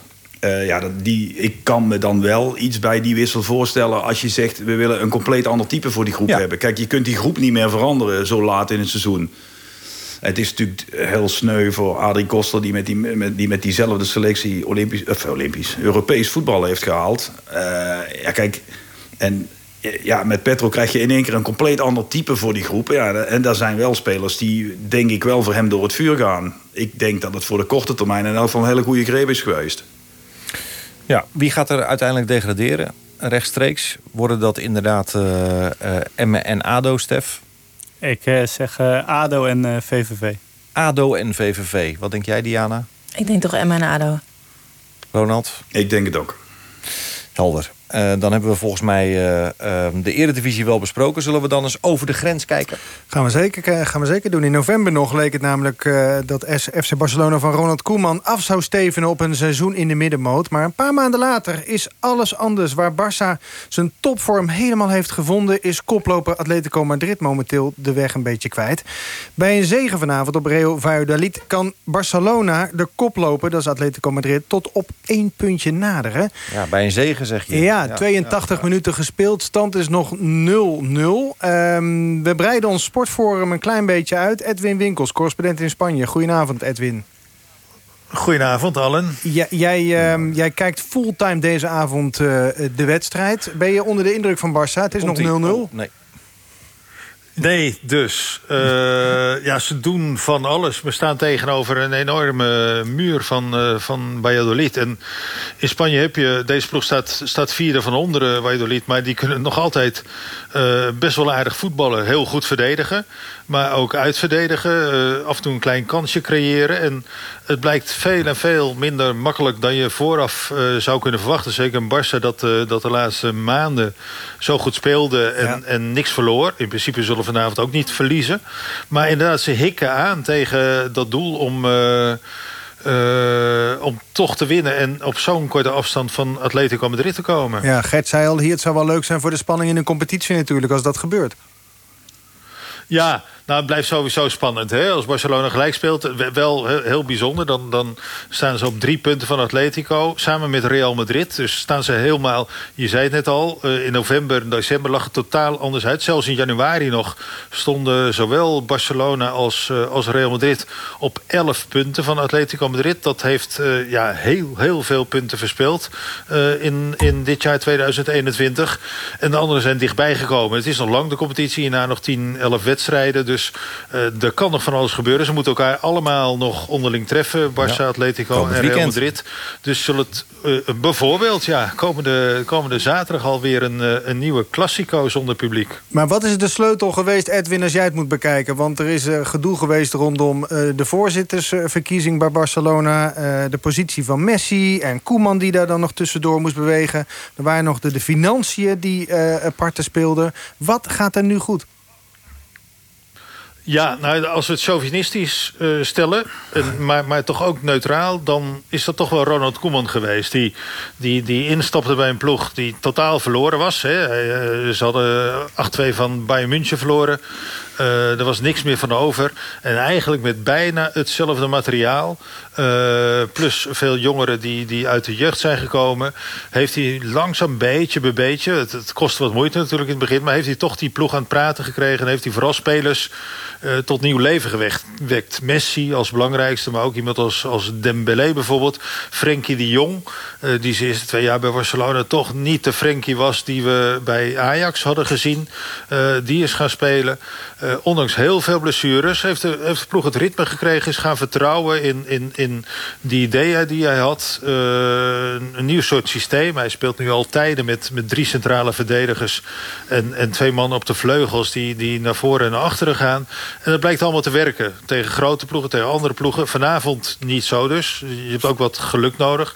Ze hebben niet veel kansen gecreëerd. Maar het is toch, je ziet een beetje de vrolijkheid... en vooral het vertrouwen terugkeren. Ja, en een ploeg met vertrouwen, dat heb je ook met Real Madrid... dat een hele slechte periode in januari had. Uitgeschakeld in de beker, in de, in de Spaanse Supercup... Uh, nederlagen nog in de competitie... Die, die hebben ook weer dat vertrouwen... dat bijvoorbeeld Atletico Madrid... dat, dat gisteren met 1-0 bij Sevilla verloor... niet meer heeft. Dus ja, ik denk niet dat een, een gelijkspel vanavond tegen Valladolid... dat, dat vertrouwen Barcelona enorm zal, uh, zal schaden. Ronald, ben je onder de indruk van wat Koeman daar heeft uh, neergezet de voorbije maanden? Uh, ik ben vooral onder de indruk van het pleidooi van Edwin, moet ik eerlijk zeggen. Uh, nou, die weet hij uiteraard iets meer van. Maar ik zit hier namelijk driftig mee te schrijven over de laatste recente uitslagen. Ik, ik bedoel, het is nog maar een kleine zes weken geleden dat Barcelona Paris Saint-Germain 1-4 werd. Dat is inderdaad geen 8-2 tegen Barcelona, of tegen Bayern, maar toch wel een redelijke afstraffing voor zo'n ploeg. Uh, en het feit dat ze in de competitie natuurlijk veel dichterbij zijn gekomen... ligt natuurlijk vooral aan het feit dat Atletico heel veel uh, steken heeft laten vallen de laatste weken. Ja, maar wil je daarmee ook zeggen, Ronald, um, dat nationaal op die top 3 na... Um, het, het goed te doen is voor, voor Barcelona... maar internationaal is er nog wel degelijk een achterstand? Nou ja, goed, wat ik zeg, we hebben het wel over Barcelona. Ik bedoel, een club die, die ons, denk ik, een decennium geleden... het mooiste voetbal heeft laten zien... wat ik in elk geval ooit met eigen ogen gezien heb... En dan vind ik het de laatste jaren wel heel matig. En het is absoluut terecht uh, wat Edwin zegt... dat uh, Ronald Koeman daar in elk geval wat rust in heeft gebracht. Zeker. Maar ik vind het ook niet echt overal. Ik heb, uh, ik heb mij daar ook over verbaasd... over de wedstrijd van Barcelona tegen PSG dan in Frankrijk. Na die 4-1 afstraffing... dan merk ik dat ik in praatprogramma's bijna Hosanna hoor over Barcelona... dat ze niet nog een tweede keer zijn afgestraft. Ja, dat als je in de topsport medelijden krijgt van mensen... dan is het meestal niet zo heel goed met je gesteld. Ja, Ronald, je hebt uh, uh, op zich een iets te rooskleurig beeld geschetst. Uh, eigenlijk een beetje de... de Edwin, dat, dat, je hebt een iets te rooskleurig beeld geschetst. Ja, nee, Barcelona, ik, ik hoorde Ronald niet zo goed, maar Barcelona is te, te, te licht voor, uh, voor, voor, Europa bevonden. En al jaren, hè. Ze hebben enorme zeepets gehad tegen AS Roma, Liverpool... waar ze in de, in de, in de return enorm op hun donder kregen. En, en thuis tegen Paris Saint-Germain was, was een vreselijke afstraffing. En, en, en ja, ze hebben het niet kunnen aankopen. Geen sterke Wat Koeman wil, toch nog versterkingen. Mannen als, als Depay bijvoorbeeld, of eventueel Wijnaldum. Dat heeft hij allemaal niet gekregen. En, en daar hopen ze op uh, voor, voor volgend seizoen dat, dat bijvoorbeeld Messi blijft. Als hij ziet dat er inderdaad toch een, een, ja, één of twee hele grote versterkingen komen. Die die ploeg wat breder kunnen maken. En ook inderdaad klaar voor Europa. Maar juist, uh, ja, Spaanse competitie is toch een van de zwaarste competities van Europa. Je ziet het, er zijn nog drie ploegen die, die, die om het kampioenschap strijden. Terwijl veel Europese competities de strijd al uh, gestreden lijkt. en daar doen ze nog steeds mee. En dat is echt veel en veel meer dan ze in deze totale, absolute financiële, economische en bestuurlijke chaos en voetbalchaos hadden, hadden kunnen verwachten uh, voor het einde van 2020. Ja, maar het heeft ook wel echt te maken met wat Ronald Waterreus zegt... dat, uh, uh, dat Atletico, want die zo slecht heeft gepresteerd in, de laatste ingestort is. Ja, want die heeft echt in de laatste negen wedstrijden... hebben ze vijf keer punten uh, gemorst. En dat had je natuurlijk niemand zien aankomen. En dat is waarom het nu spannend is. En als Barcelona nu zou winnen dan hebben ze het zelf in de hand. Want ze moeten zelf nog een keer tegen Atletico. 9 mei staat in mijn agenda, staat uh, rood omcirkeld. Dat zou de ontknoop kunnen zijn. Maar als ze alles, ze hebben het nog in, de, in eigen hand nog steeds. Ja. Stef, ja, nee, uh, absoluut. En Barcelona is in het nadeel. Want ze hebben zowel van, van Real Madrid in Spanje telt het onderlinge resultaat. Stel dat ze op gelijk, veel, een gelijk aantal punten eindigen. Uh mhm. -huh. En Barcelona moet zowel tegen Atletico als Real een, een, achterstand werken wat dat betreft. Maar je hebt gelijk, Atletico heeft 14 van de laatste 30 punten gehaald. En, en, en ja, ze stonden zo mooi vooraan. Hier noemen ze dat een dik matras wat ze hadden om op te springen. Ja, kijk even naar je beeldscherm. Opletten, het win denk ik. Even naar je beeldscherm kijken. Wat zeg je? Even naar de televisie kijken. Ja, maar dat zei ik. Dat, dat had ik de regie, regie, al gezegd. Dat ik de beelden later... Dat gaat via vele omwegen. En dat ik veel later de beelden binnenkrijg dan jullie. Het is 1-0 uh, voor dus- Barcelona, Edwin. Dan, zoals ze al de laatste tijd al wat vaker hebben gedaan. Uh, ik zit nog in minuut 89, 24. Ah, daar komt nu de goal. Oh, dan moet je Laten we jou even rustig, uh, rustig kijken. Mogen, jullie kunnen dat live bij mij schreeuwen. Ik zie het via mijn laptop. En dan toch Dembélé, ja, een korte hoek. En uh, net ja, in de 90 minuut, vlak voor tijd.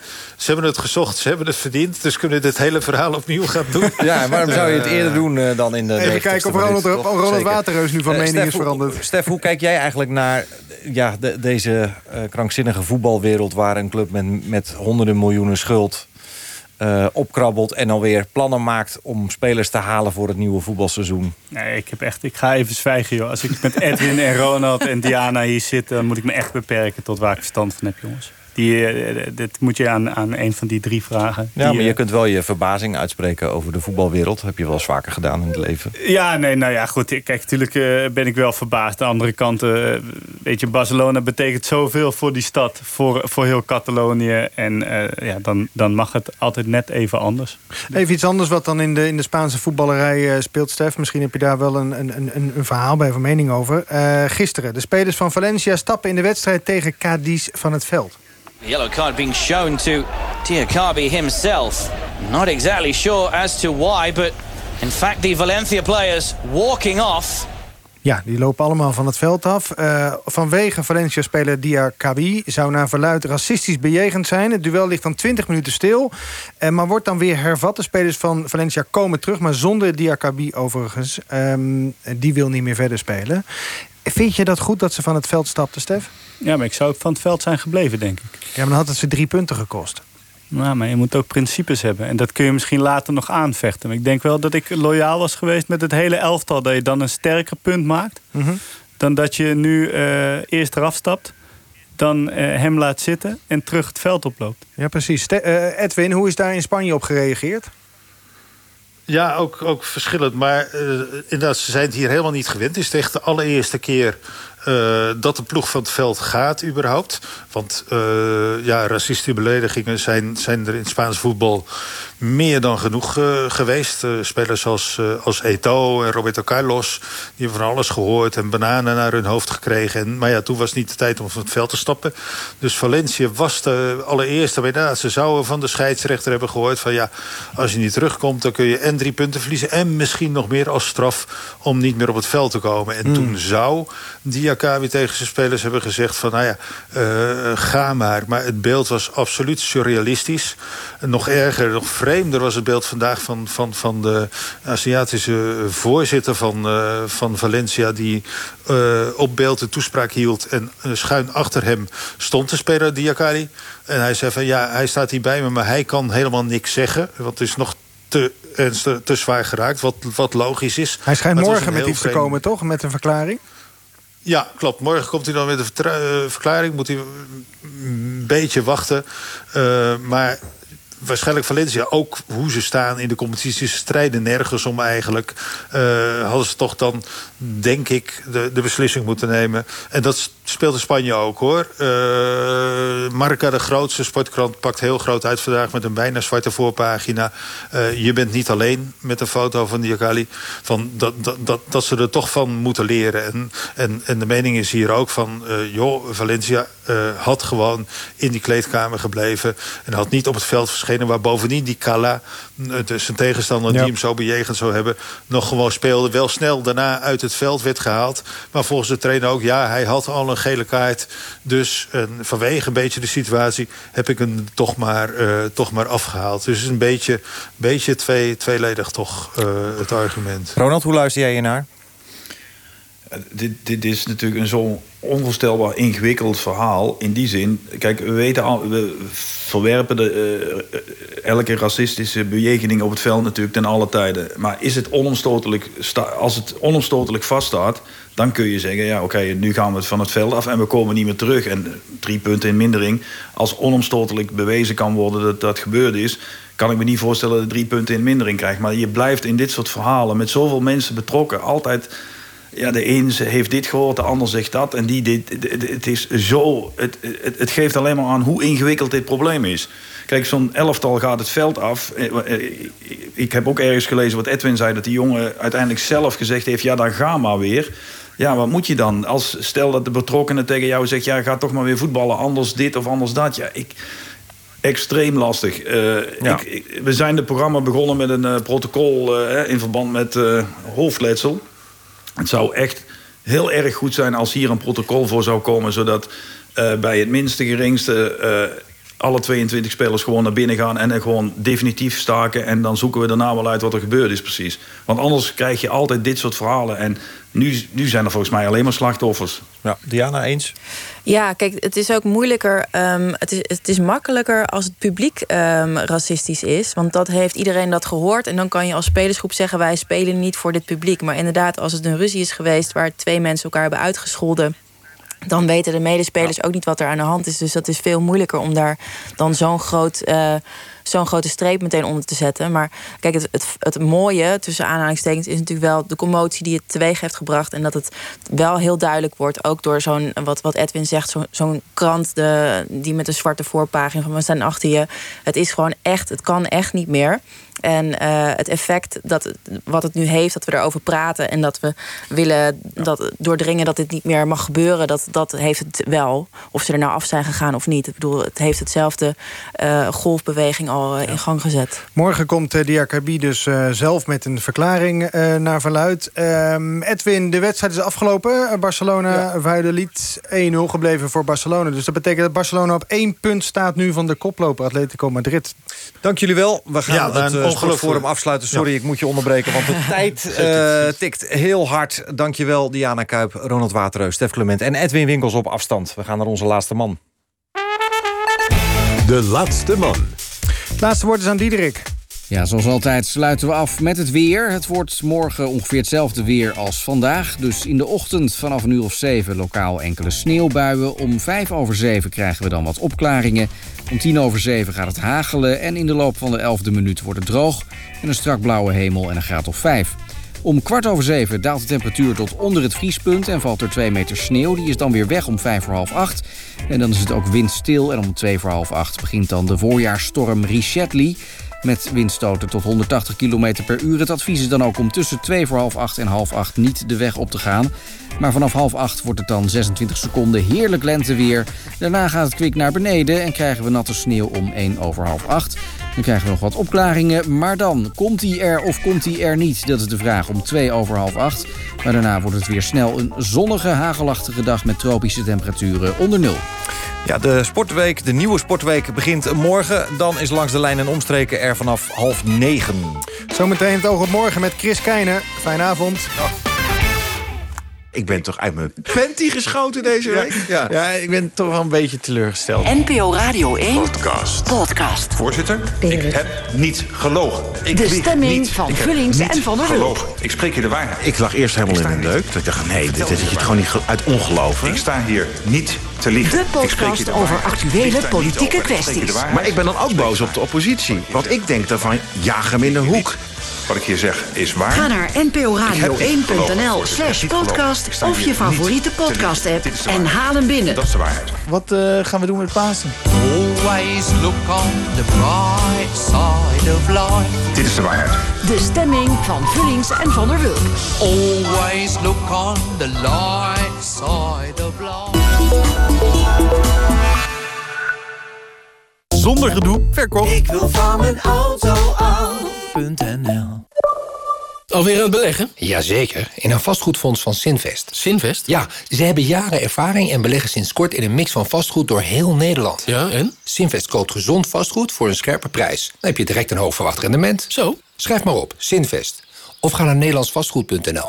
Loop geen onnodig risico. Lees de essentiële beleggersinformatie. NPO Radio 1.